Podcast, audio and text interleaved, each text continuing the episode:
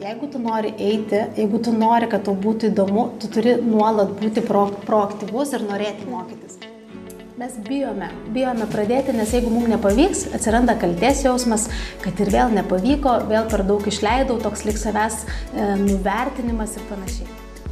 Ir mes visą laiką eidavom su mama ir Aš žavėjausi e, bankininkė, kuri ten dirbo, man atrodė, kad jos darbas yra kažkoks ypatingas, jinai gražiai atrodo, yra gražiai apsirengusi, kurioje būtent būtų mokama apie savo apie asmeninius finansus, apie suvokimą, kaip juos valdyti, apie ūkdymą įpročio e, fiksuoti, e, stebėti savo išlaidas, ūkdyti įprotį žymėtis savo išlaidas, stebėti rezultatą, daryti e, analizę, o kaip.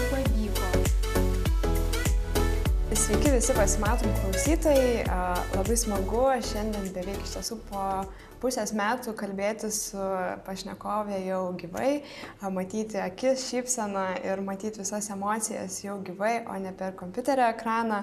O šiandien iš tiesų laukia gana kitoks pokalbis negu prieš tai mūsų buvę. Ir Šiandien mūsų viešne, žinoma, pasidalins savo istoriją, pasikalbėsime apie Tai ką reiškia iš tiesų dirbti banke, ką reiškia planuoti savo finansus ir kaip tai daryti su malonumu. Na, o šiandien kalbame su Sigita Stratskytė Varnė. Sveiki, Sigita. Labas, Ernesta.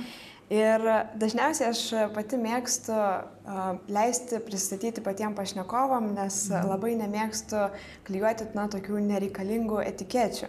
Tai gal ir jūs galėtumėt pristatyti. Labai senai iš tiesų e, gyvai tą dariau irgi ir man taip pat labai malonu matyti ir šypsaną, ir tas akis, ir tas pokalbis, aš labai tikiuosi, kad bus gyvas.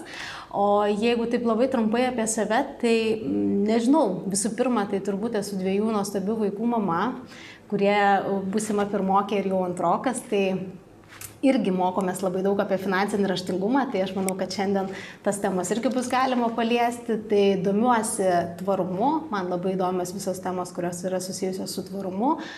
Nuolat noriu mokytis vis dar ir nežinau, labai mėgstu jaunimą ir labai patinka su juo bendrauti. Tai šiandien dienai bankė beje labai daug su tuo ir užsijimu, tą ir darau. Supratau, puiku.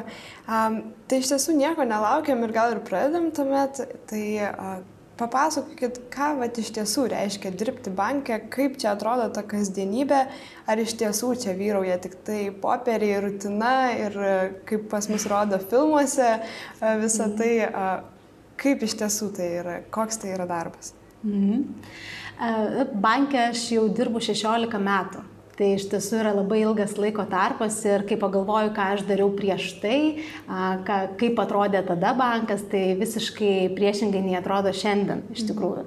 Ir bankininkystė ir pats darbas bankė iš tiesų yra Na visų pirmiausia, viskas apie žmonės. Ir viskas priklauso nuo žmonių, kokie supa tave. Ir turbūt nesvarbu, ar tai būtų bankas ar bet kokia kita organizacija. Tai kai tave supa nuostabus, kūrybingi, įdomus žmonės, tai darbas negali būti nuobodus. Niekaip. Tai ar ten būtų popierių, ar jų yra, taip jų yra, Beje, šiandien dienai jų yra daug mažiau, nes mes irgi labai stipriai žengėme į tą tvarumo kelią, renkamės jį, tai to popieriaus mažina maksimaliai, tai kalbėti taip tiesiogiai, kad tai yra susijęs su popieriais tikrai nėra. Bet e, tikrai nenobodus tas darbas yra beprotiškai besikeičiantis, e, labai greitai viskas vyksta, yra labai įdomu, labai įdomu. Bet be abejonės tą patį turbūt įdomumą tikrai sukuria žmonės, kurie čia yra, o jie yra nuostabus. O gal galite pateikti pavyzdį, ką reiškia būti, kokie, kaip atrodo jūsų darbo diena, kaip viskas nuo ryto iki vakaro, kaip viskas atrodo pas jūs? Kasdien vis kitokia. Ir turbūt tai labiausiai ir džiugina ir dėl to aš tiek ilgai bankė ir esu. Mano darbas iš tiesų yra susijęs daugiau su projektinė veikla, su projektais skirtais jaunimui, su ieškojimu būdų, kaip šviesti jaunimą, finansinio raštingumo tema, karjeros planavimo tema, antreprenerystės savoka, ar ne, tokia nauja turbūt yra. Tai Mes ir dirbam visą dieną, tai pirmą, arba susitikinėjom su jaunimu, e, kalbame su jais, na dabar būdavo e, nuotoliniu būdu, antra dalis yra, kuriam naujus projektus, ieškom būdo, ką dar galim pasiūlyti, kaip dar galėtumėm įdomiai susitikti su, su, su jaunais žmonėmis, ką galime duoti iš, iš savo kaip organizacijos pusės. Tai labai daug turim tokių vidinių susitikimų, tai kaip aš sakau, iš susitikimo į susitikimą, tokia yra mano diena, bet kiekvieną dieną tie susitikimai būna skirtingi. Temos būna skirtingos ir turbūt dėl to aš net negalėčiau nupiešti vienodo, vienod, vadinkim, vienod, vienodos dienos, ne, kad kokia jinai yra. Kitų be abejo, bankininkistė yra labai labai plati, čia mes turime per 200 įvairiausių darbo pozicijų bankė, ne, tai kiekvienas turi aišku savo darbo dieną, pas vieną turbūt yra labiau viena vienoda, bet konkrečiai mano tai jinai yra labai skirtinga. Tai šiandien iš tiesų ar prisiliečiat prie savo tikslo, šviečiat jaunimą. Taip. Šiandien mūsų pokalbėje labai daug bus apie finansinį raštingumą lygiai taip pat temų. Tai jau minėt, kad 16 metų nedirbat bankė Taip. ir jeigu negalėtumėt toliau dirbti darbą, kuris būtų su tuo susijęs, kokį darbą pasirinktumėt? Mm. Tiesą pasakius, esu kažkada galvojęs apie tai ir kartais nuo karto mane aplanko ta mintis, o kas jeigu ne bankas. Tai e, atsakymas, e, labai sunku rasti atsakymą, kadangi pats bankas yra tokia didžiulė organizacija, kad tu čia gali labai daug visko daryti. E, tai atrodo, kad ir čia gali padaryti tą patį, ką darytum išėjęs kažkur kitur. Bet jeigu jau taip reikėtų pasirinkti, tai be, esu tikra, kad darbas tikrai vis tiek turėtų būti susijęs su žmonėmis ir su tuo, kad aš galėčiau dalintis, kažką jiems duoti, atiduoti ir kurti kažkokią vertę. Labai domiuosi alternatyvę energetiką, iš, tiesų man labai įdomu yra, kaip viskas, domiuosi tuo, kaip galėtų, kaip viskas keisis ar ne kaip būtų. Ir karts nuo karto vis iš tiesų labai giliai širdėje aš pagalvoju apie tokią specialybę kaip mokytojo profesija. Kažkaip jaučiu ypač, kai dabar tų mokytojų trūksta, man vis atrodo, kad Bet čia yra prasmė, tai yra vat, naudinga, tai yra taip reikalinga, galbūt aš tikrai galėčiau padėti ir būti ar dar arčiau mokinių, nes dabar aš esu šalia jaunimo, ne, bet vis tiek tai yra per dieną vienas susitikimas, kartais du, bet e, gal galėčiau būti visą laiką. Tai kartais jaučiu, kad gal ne šiandien, gal ne po metų, po dviejų, bet kažkada, kai jau jausiu, kad padariau viską e, šitoj srityje, galbūt galėčiau ir mokyti. Kaip gražu iš tiesų. Um, Aš dabar pati, kadangi esu abiturientė, labai artimai susiduriu su tuo profesinio kelio pasirinkimu, kai reikia pasirinkti studijas, jau lyg ir nuspręsti, ką tu nori veikti uh, savo gyvenime. Kaip jūs prieėt šitą sprendimą, kaip jūs pasirinkot būtent e, šį profesinį kelią ir ar jis buvo sudėtingas, ar jūs iš karto žinojote, kad būtent čia aš noriu būti? Aš pagalvoju, kad jeigu aš būčiau vat, šiandien 16 metų, tai galbūt ta situacija arba taip, kaip aš pasirinkau, atrodytų visiškai skirtingai, nes pirmą, jūs e, turite didžiulį informacijos kiekį ir galimybę m, prieiti prie tos informacijos, ar ne? Kad palyginti mane, aš pirmą kartą pradėjau dirbti kompiuteriu, būdama 9 klasėje. Apie tokį dalyką kaip internetą, kada tu gali prie jo taip laisvai prieiti, buvo na, tik per informatikos pamokas ir tik galbūt kartą per per savaitę. Tai mes absoliučiai nieko neturėjom, tok, tokios galimybės sužinoti, pasidalinti patirtimi ir panašiai. Bet mano kelias buvo labai tikslingas, bet jis taip sunkiai, labai įdomiai klostėsi. Galiu trumpai papasakoti. E, reiškia, aš save skaitau, kad dirbu bankė jau nuo šešių metų, nes mano svajonė tokia visą laiką buvo. Aš esu kilusi iš mažo miestelio, priekulės ir jame buvo tuo laiku vienas banko skyrius. Ir mes visą laiką eidavom su mama ir Aš žavėjausi e, bankininkė, kuri ten dirbo, man atrodė, kad jos darbas yra kažkoks ypatingas, jinai gražiai atrodo, yra gražiai apsirengusi. Ir e, tiesiog aš jau turbūt tuo metu, kai kažkas svajojo būti mokytojais, gaisrininkais, mūsų laikais tokias svajonės buvo, tai aš visą laiką norėjau būti bankininkė. Ir būtent 16 metų kažkaip man atgimė e, tas toksai, kad aš pradėjau daugiau mokytis, atgimė tas suvokimas, prisiminimas, kad pala, mano keliasgi buvo bankininkystė, bet vėlgi taip sužinoti, ką studijuoti, ką pasirinkti, ne, nebuvo tokios galimybės. Tai aš sutikau savo pusbrolio draugą, kuris dirbo banke ir jis man pasakė, ką pabaigė. Ir aš buvau įsitikinus, kad jeigu aš baigsiu tą pačią specialybę, kurią pabaigė jis, aš tikrai dirbsiu banke. Ir tuo metu beje žurnalas, kur stoti, jau egzistavo, mm. gal interneto nebuvo, bet tas žurnalas tikrai buvo. Ir aš susiradau tą specialybę, e, pasižiūrėjau, kuriuos dalykus reikia mokytis, išmečiau visas chemijas, fizikas, kurių man tuo metu jau nebereikėjo, nors aš mokiausi labai gerai A lygių šitos dalykus. Ir viskas, ir labai tikslingai įstojau beje specialybę.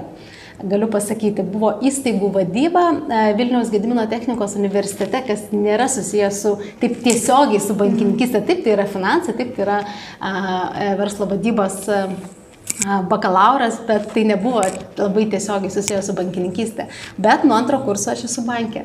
Ir realiai vis tiek man pavyko ir aš pasiekiau to, bet viskas vyko labai labai tikslingai. Mhm. Šiandien dienai jaunimui yra šiek tiek sunkiau, kadangi turbūt tos profesijos visų pirma labai nyksta, jos išnyksta ir kartais atrodo, kad tu pasirinkai, o to kelio galbūt nes viskas taip greitai keičiasi, kad gali jo ir nebereikėti. Tai aš visą laiką sakau, kad daug svarbiau yra, yra turbūt ugdytis tas savybės, norą mokytis, norą pažinti, nebijoti keistis, nes tai tada tau leis tiesiog kaip išlikti ir prisitaikyti prie to, kas bus. Tai va. Tuo pačiu dar manau, kad labai sunku šiais laikais yra pasirinkti dėl tos gausos iš tiesų Taip. profesijų ir tų pačių studijų programų. Atrodo, matai penkias studijų programas ir jos visiškai minimaliai skiriasi, bet Taip. skirtumas yra ir tu turi tą vieną pasirinkti. Bet, na, Manau, su laiku čia tikrai kiekvienam turi ateiti tas e, suvokimas, ką tu nori veikti, kam tu nori paskirti savo gyvenimą. O iš tiesų, man tuomet kyla klausimas, jūs taip gražiai e, atsiliepėte apie savo profesiją, kad labai tikslingai e, ėjot ją ir ar niekada nebuvo taip, kad abejojot, ar tai yra tikrai mano kelias ir ar aš tikrai čia noriu būti? Nebejojau, nes Aš matyt, turbūt, kadangi taip labai norėjau, man buvo taip įdomu, kas vyksta banke, e, kad e, man niekada nekilo klausimų. Ir aš kartais pasakoju savo, e, kada sustinku su mokiniais, pasakoju ir kad man atlyginimas buvo nesvarbus, nes kartais tuo metu lik ir ateisėjosi, kad va, jeigu tu dirbsi banke, tai tavo atlyginimas bus vienoks ar kitoks, bet man buvo tai visiškai nesvarbu. Man svarbiausia buvo sužinoti, o kas čia vyksta. Ir kur, kai kartais manęs klausia, o kodėl tiek metų tu esi banke, banke, bankininkystėje, ar ne? Tai aš sakau dėl to, kad čia yra viskas įdomu. Čia nuolat viskas keičiasi ir aš vis dar nesu supratusi visko, kas vyksta banke. Tai vadinasi, tas ir pati bankininkystė, beje, nu, irgi labai jinai keičiasi, ne, dabar labai daug skaitmenizacijos ir taip toliau ir panašiai. Ir mes vis turim ko mokytis, vis turim kažko naujo pažinti. Tai ne, niekada, nes tiesiog visą laiką buvo įdomu ir visą laiką buvo kažkaip kitaip. O man pokyčiai labai patinka. Tai Taip įdomu, kad dabar visiškai greunat mano ste, tos stereotipus tokius apie banką, kai aš mhm. visai kitaip jį įsivaizdavau ir visai nebuvau pažinusi iš arti. Tai aš tikiu, kad ir mūsų klausytojai tikrai dabar stebisi, kaip pasirodo, čia gali būti įdomu. Ir viskas besikeičiančiai tikrai. Ir a, minėjot, kad labai daug išmokote iš savo a, būtent šios profesijos, bet kokias pagrindinės pamokas jūs išmokė a, tie metai bankė? Mhm. Vien tai, kai pagalvoju, kad tu jau 16 metų dirbi šitą darbą, tai faktas, kad tai yra lik antras universitetas, lik antra ta vadinamoji gyvenimo mokykla, tai išmokė be galo daug, be galo daug nuo pagarbos ir suvokimo, kodėl klientas yra svarbus, kodėl mes jį... Mm, Vadinkim, turime tikslą jam padėti, ar ne, kas kuria vertę. Didžiulės kultūros suvokimas, pagarba savo kolegoms, žmonėms, kurie tave supa. Tai vienareikšmiai šitie visi dalykai, šalia visų pardavimo įgūdžių, nežinau, viešo kalbėjimo, labai labai daug yra tų pamokų, bet turbūt pats svarbiausias galbūt atėjo tas suvokimas, kad tu niekada negali sustoti mokytis. Jeigu tu nori eiti, jeigu tu nori, kad tau būtų įdomu, tu turi nuolat būti pro, proaktyvus ir norėti mhm. mokytis. Ir bankininkystė bankas labai daug suteikia, e, suteikia galimybės mokytis ir, ir to suvokimo duoda, kad jeigu tu tik sustosi, tada taip gali pasidaryti nuobodu, gali pasidaryti monotoniškai ir, ir galbūt ties, ties čia ir, ir, ir ta tavo pabaiga ir, ir ateis. Bet jeigu tu nori mokytis, jeigu tu nori toliau žengti, jeigu tu nori eiti, eiti kartu su, su bankininkystė, kaip jinai keičiasi, tai tau niekada nebus nuobodu. Tai niekada nesustoti mokytis turbūt tokia pagrindinė išaiškėjusi žinutė, išriškėjusi, man asmeniškai. Aha, čia turbūt pagrindinė ir būtų problema žmonių, turbūt, kurie sako, kad, na, man mano profesija yra neįdomi arba mano darbas man jau yra pabodęs per tiek metų. Tai čia iš tiesų tame ir būtų turbūt problema, kad tiesiog žmogus a, nesistengia mokytis ir pats nenori toliau tobulėti. Būtent tų naujų žinių įgyti, nes naujos žinios tau atveria naujas galimybės, atveria uh, naujus, uh, nežinau, gal čia taip labai jau pasakysiu plačiai, pasaulius, tiesiog gali pamatyti, o ką dar tu gali padaryti, tu gali pamatyti, ką tu gali pakeisti, kokią papildomą vertę tu gali sukurti. Ir be abejonės visi kiti tikrai pamatys. Ir, ir tas tavo pačio nebijojimas keistis, ar ne, e, jis e, tau pačiam tiesiog suteikia daug daugiau šansų kažką pasiekti. Ir tai pačioj bankininkystėje ir nebūtinai čia, bet kurioje kitoje organizacijoje. Jeigu tu norėsi atnešti, o atnešti gali tik tai su savo žiniomis iš tikrųjų. Tai va turbūt tai. Pati labai dažnai susitarėt su moksleiviais, pas ne kiekvieną dieną turbūt e, paliečiate bent kažkiek šią temą. Koks jūsų požiūris yra į būtent Lietuvos mokyklų mokinių finansinį raštingumą ir ar manot, kad vis dėlto čia dar yra gana jautri tema, ar vis dėlto jau yra gana aukštas tas lygis? Mhm. E, tikrai taip susiduriu ir, ir labai daug dalykų pasimato. Jeigu remtis tyrimų duomenimis, e, aišku, mes paskutinį tokį bendrą tyrimą, palyginamai, vadinkime, tai tarp ES šalių turėjome Lietuvoje vertintą tik tai berods 2018 metais. Tai tuo metu mes e, kaip Lietuva, kaip jaunimo finansinio raštingumas buvo vertintas, kad esame šiek tiek žemiau ES vidurkio. Tačiau šiandien dienai aš galiu pasakyti, kad na, ypatingai didmė didmieščių moksleiviai, tai jų finansinio raštingumo lygis tikrai yra ženkliai aukštesnis, tikrai tikrai paaugęs ir tai yra susiję turbūt ir su tuo, kad daug ir informacijos atsiranda, vis daugiau ir garsiau mes apie tai kalbame ir ne tik pradedam kalbėti nuo 9 klasės. Mhm. Kada mes žengėme šiek tiek už didžiųjų Lietuvos miestų, kada žengėme į regionus, taip ten situacija yra dar šiek tiek dėja liūdnesnė ir, ir tikrai kartais jaučiasi, bet ne dėl to, kad kažkas negalėtų jų išmokinti, bet turbūt galbūt to poreikio nėra, ar to tokio suvokimo, kad tą reikia žinoti ir panašiai, nes Tai ir, yra šito. Ir mes iš tiesų kaip organizacija būtent šiais metais ir paskiriam savo finansinio raštingumo žinias, būtent didžiulį dėmesį skiriam regionams. Iš tiesų, kuo daugiau stengiamės padaryti paskaitų, pamokų, pravesti mokykloms, kurios yra nutolusios nuo Vilniaus. Išnaudojom karantiną, karantino sąlygas, kad negalime važiuoti, nes vykti, tarkim, kažkur labai labai toli į, nežinau, Marijampolės rajoną ar, ar Visagino yra sudėtinga, tai yra labai imlu laikui. Tačiau kada pasinaudojom e, priemonėmis ar ne, Teamsų platforma ar, ar kita, tai labai lengva juos pasiekti. Ir buvo be galo įdomu, įdomus metai šie, nes iš tiesų susipažinau su labai nuostabiais moksleiviais ir, ir jų ten taip pat yra labai ypatingų ir, ir visokių. O iš tiesų, kokiais būdais manote, kad reikia ir galima kelti finansinį raštingumą e, moksleivių? Kas labiausiai padeda šiuo klausimu? Be abejo, nedidelį įtaką daro tai tėvai. Faktas, jeigu tai pasižiūrėti pats pirmas, tai yra tėvai ir, ir kaip jie leidžia kiek atsakomybių, tarkim, duoda vaikui leisti elgtis su savo pinigais taip, kaip jie nori.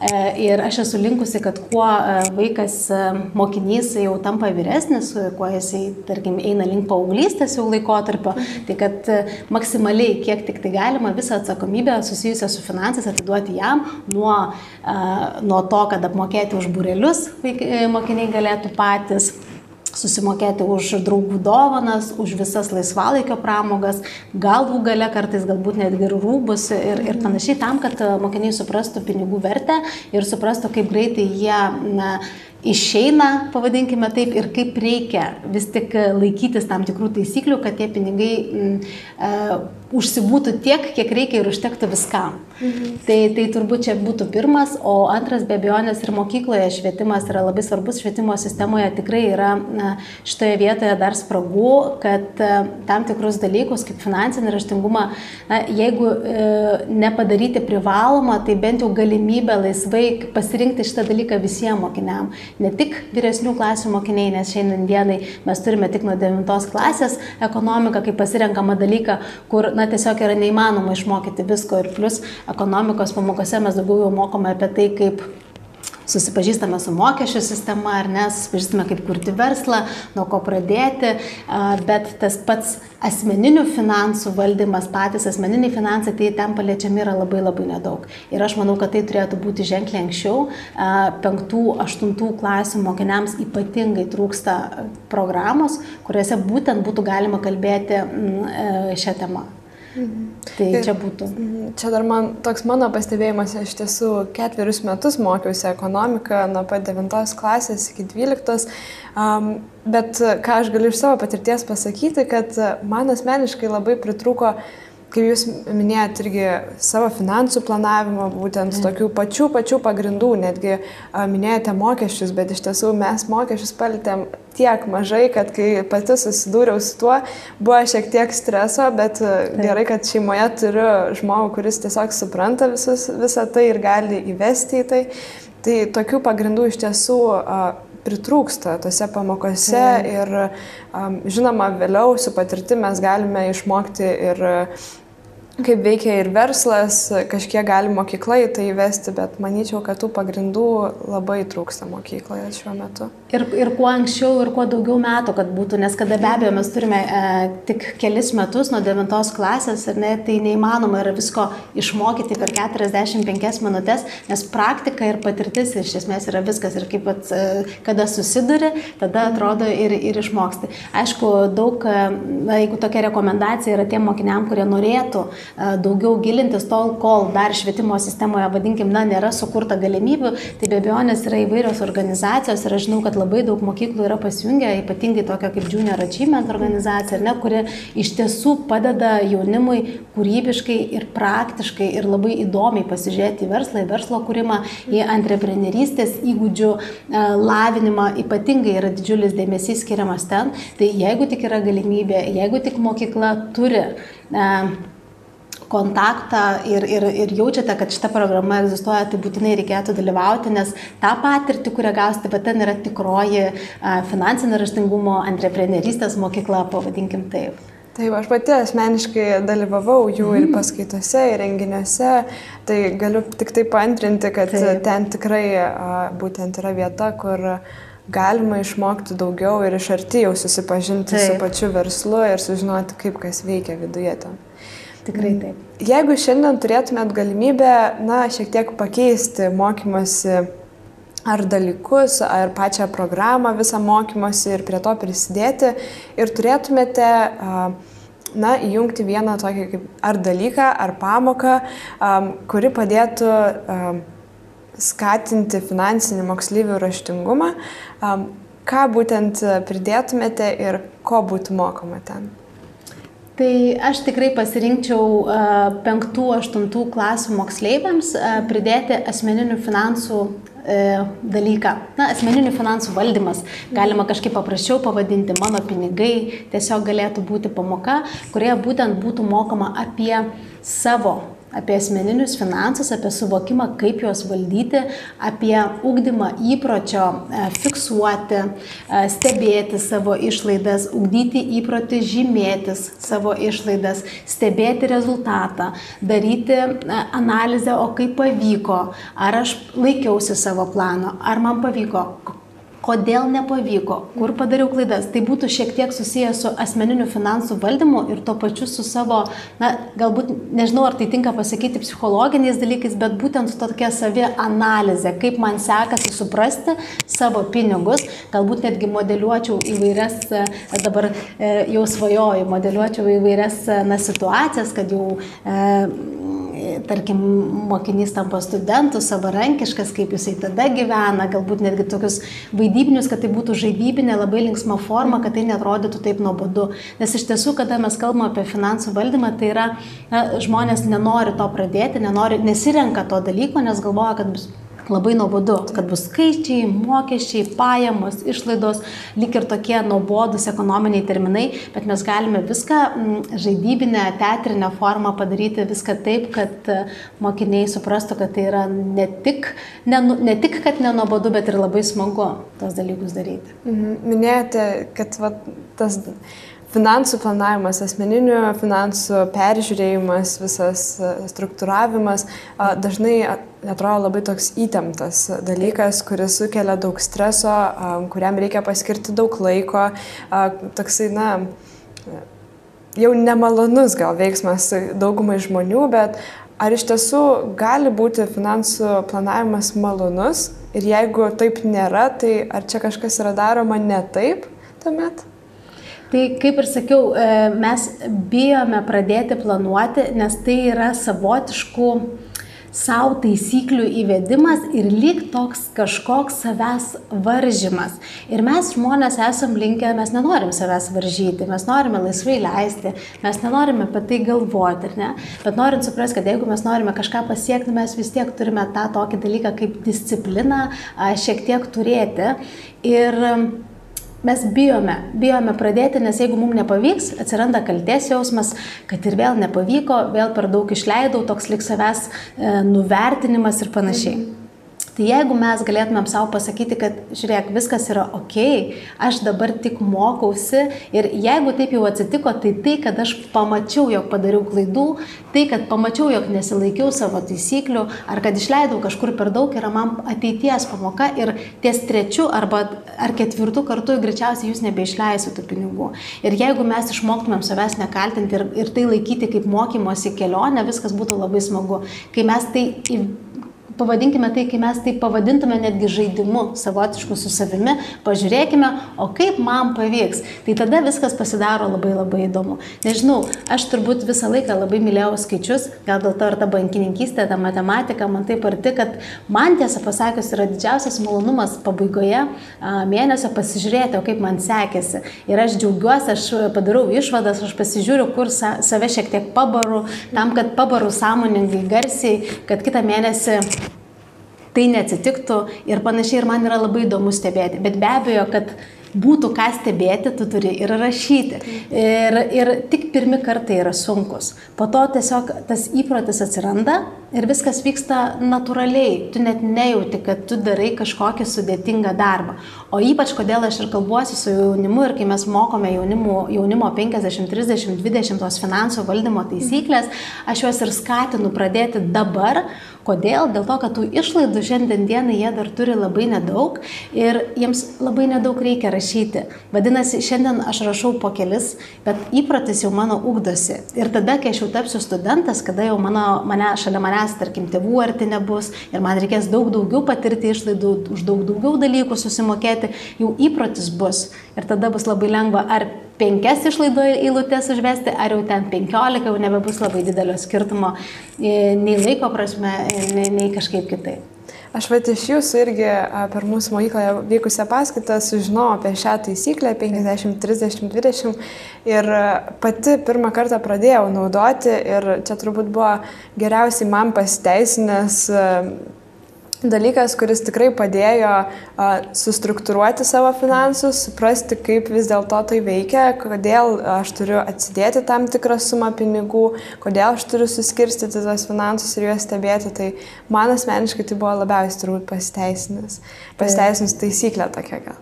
Um, jeigu šiandien reikėtų įvardyti, na, dvi, tris taisyklės, kurias privalo naudoti net ir tie, kurie visai nemėgsta planuoti savo finansų. Kokios tai būtų taisyklės?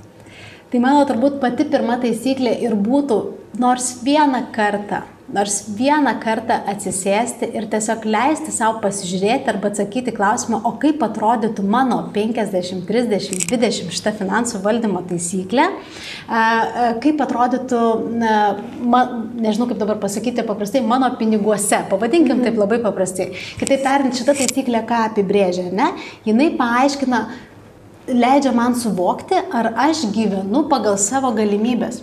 Nes kodėl mes išleidžiame per daug pinigų? Todėl, kad mes norime daug daugiau dalykų, mus spaudžia draugai, mes norime dalykų, kuriu, kuriuos e, jie turi ir mes tokiu būdu vartojame labai daug ir išleidžiame pinigus visai ne ten, kur galbūt mums reikėtų, arba mūsų galbūt galimybės to neleidžia. Tai šita taisyklė leidžia, bet kaip ir sakote, pasi susistruktūruoti ir pasižiūrėti, kokios tos mano galimybės yra.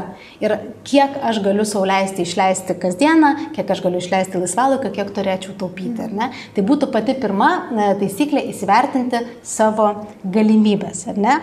Antra, įsivertinus tas savo galimybės, susidaryti planą, kaip aš E, galėčiau elgtis tose galimybėse savo, ne, tai reiškia, aš žinau, aiškiai įsivardinu, turiu 30 eurų laisvalaikiui per mėnesį, ar turiu tik 5 eurus ir tada ką aš darau, ką aš keičiu, jeigu man, tarkim, ne, neišeina, man reikia daugiau pinigų, ką aš galėčiau pakeisti. Gal galėčiau negerti kavos, a, e, pirkti jos nuolat, tarkim, susitikus su draugais ir panašiai. Tiesiog turiu savo surasti būdų, kaip pakeisti tam tikrus mokamus dalykus į nemokamus, ar ten koncertus gal galiu surasti, kaip savo laisvalaikį pakoreguoti reaguoti ir panašiai.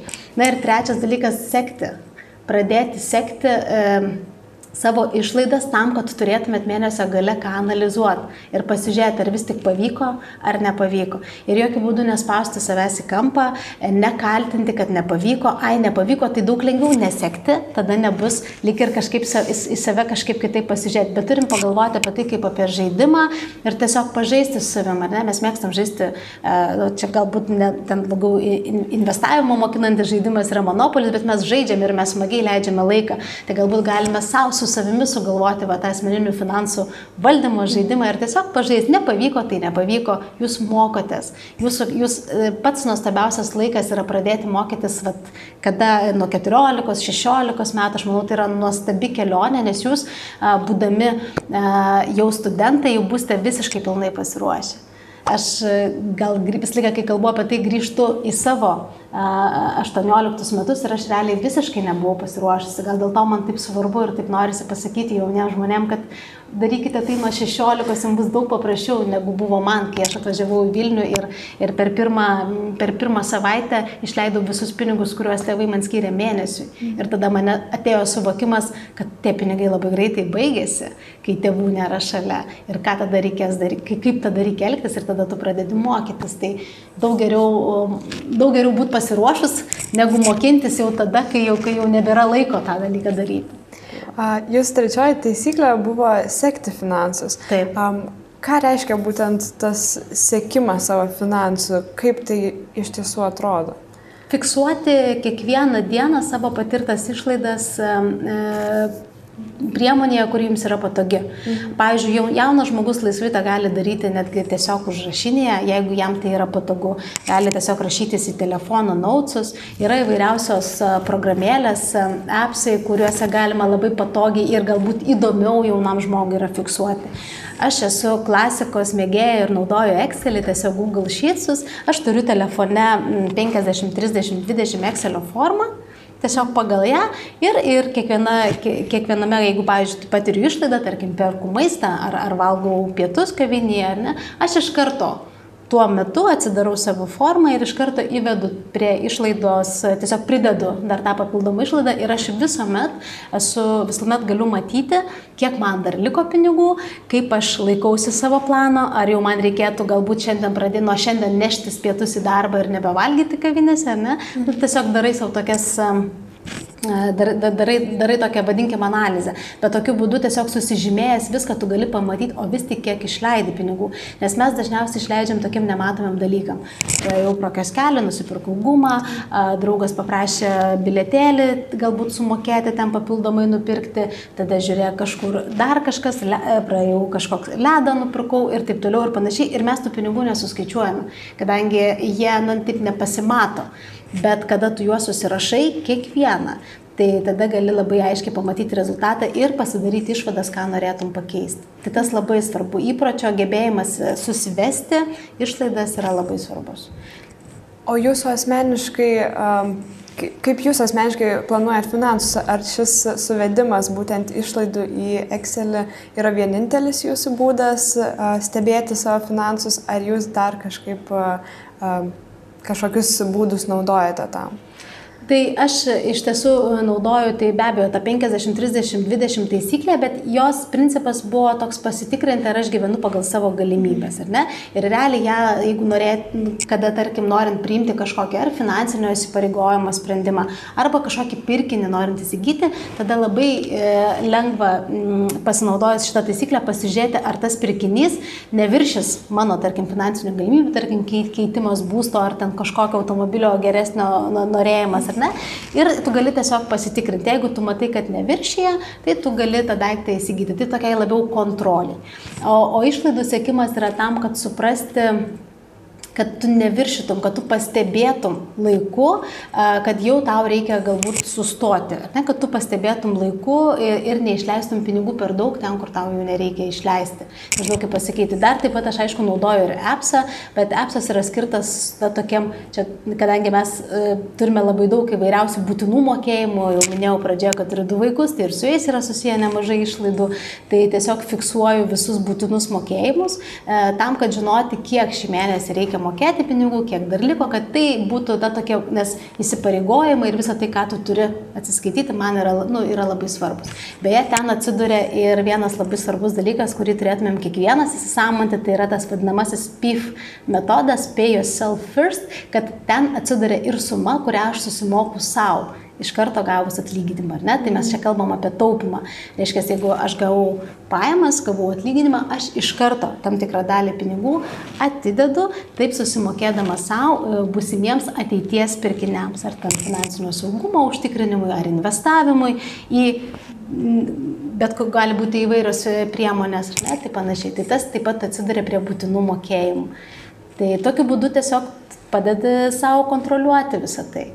Bet tai nėra nei sunku, priešingai tai yra smagu pamatyti, man yra labai įdomu suprasti, kiek išleidome maistui pinigų, kiek išleidome kavinėms, kiek išleidome atostogų metu. Mhm. Tai yra labai įdomu, bet dėl to, kad aš mėgstu skaičius turbūt. Turbūt labiausiai dėl to.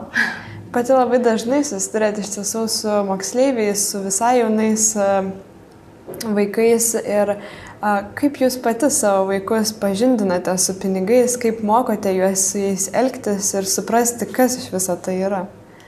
O taip, tai su vaikais, aišku, jie yra mano, mm, aš vadinu eksperimentas, nes iš tiesų labai daug įvairiausių taisyklių, kurias kur ir domiuosi, ir kur perskaitau, ar ne, kaip reikėtų ugdyti vaikus, tai labai daug stengiasi išbandyti, pavadinkim taip, ir ant savo vaikų.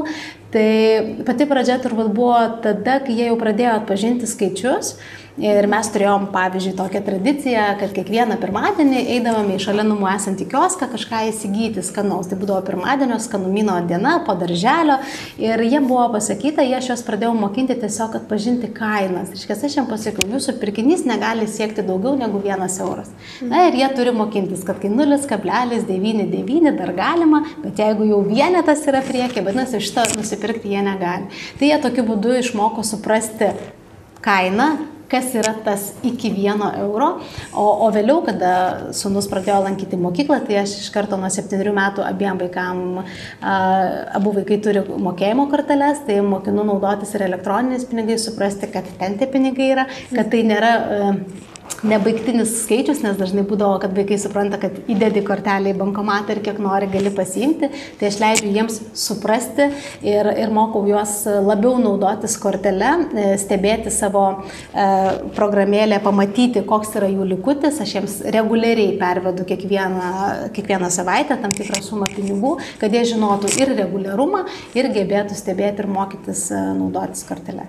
Ir be abejo, mes skolinamės, jie iš manęs būna pasiskolina, aš būtinai vedu, kad jie suprastų, kad reikia gražinti. Tai daug tokių dalykų išnaudojam, tikrai taip.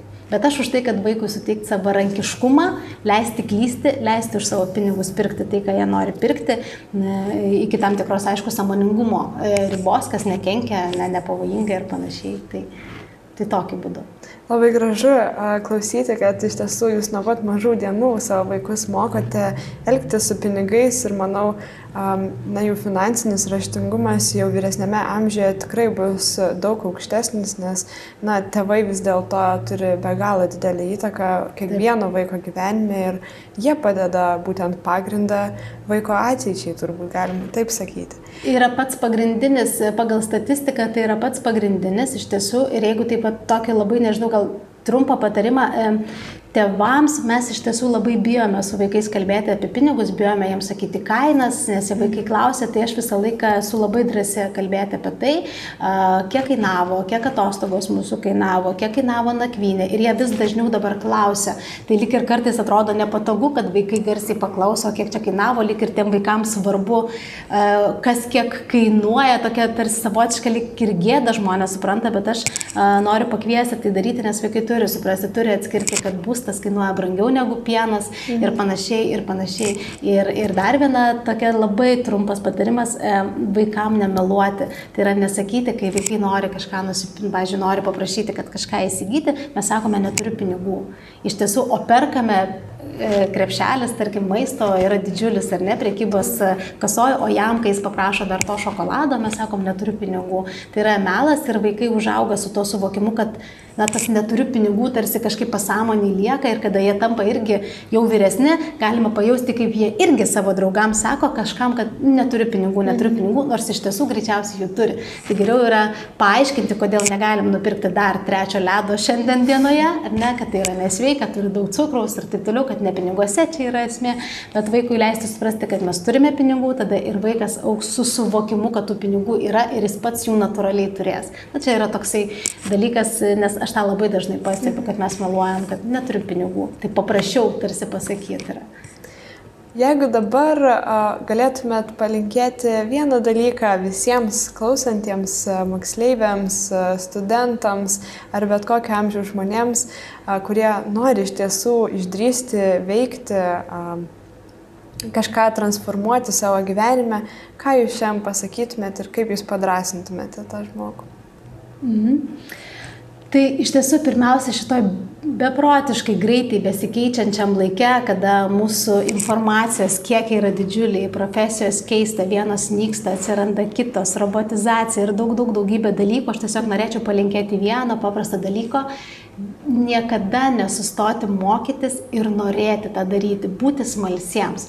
Nes jeigu jūs būsite smalsus, jūs pasieksite labai daug. Jeigu jūs norėsite išmokti, jeigu jūs norėsite nesustoti, absoliučiai, kad ir kas atsitiktų, kad ir kaip besikeistų, kad ir kokiu greičiu viskas besitransformuotų, jūs būsite visada ten, kur ir turite būti ir tikrai, tikrai labai sėkmingam keliui. Tai aš to turbūt ir palinkėčiau labiausiai. Ačiū labai ir na, kaip ir mūsų po, pokalbis jau e, eina į pabaigą, tai aš labai noriu Jums padėkoti už šiandienos pokalbį. E, iš tiesų, e, man asmeniškai sugriovėt visai visus stereotipus turbūt apie darbą bankė būtent. Ir manau, kad tikrai šitas pokalbis dar įkvėpia labiau susimastyti apie savo finansus, apie planavimą jų ir kaip aš norėčiau kad mano finansai šiuo metu atrodytų ir ką aš galėčiau šiandien pakeisti, kad e, turėčiau dar didesnę laisvę būtent e, šioje srityje. Tai manau, kad aš nebūsiu vienintelė, kuri, kuriai iš tiesų ši, kurią pakeitė kažkiek šis pokalbis ir mūsų klausytojai tikrai atras pokalbėje kažką naudingo savo. Tai ačiū Jums labai tuomet už šį. Ačiū tikrai ir galiu tik tai pasiūlyti, kad galbūt jeigu tie, kurie norėtų pradėti e, galvoti ar pradėti mokytis, kaip valdyti savo finansus, tai aš tikrai labai kviečiu pasiekti mūsų Instagram puslapį SEB Lietuvoje, kurioje tikrai mes kalbame su jaunimu e, apie tai, kaip tą reikėtų daryti, dalinamės ir Exceliu, ir, ir, ir tom, tą pačią taisyklę, ir pavyzdžiais, aš manau, kad ten galima atrasti labai daug ir būtų labai geras startas, nuo ko pradėti. Tai kviečiu prisijungti. Galiu tik taip antrinti, kad pati seku šitą puslapį ir be galo daug naudingos informacijos randu, tai tikrai labai patariu ir skatinu prisijungti prie jų sekėjų. Tai ačiū labai mūsų klausysiems ir ačiū Jums. Ačiū viso.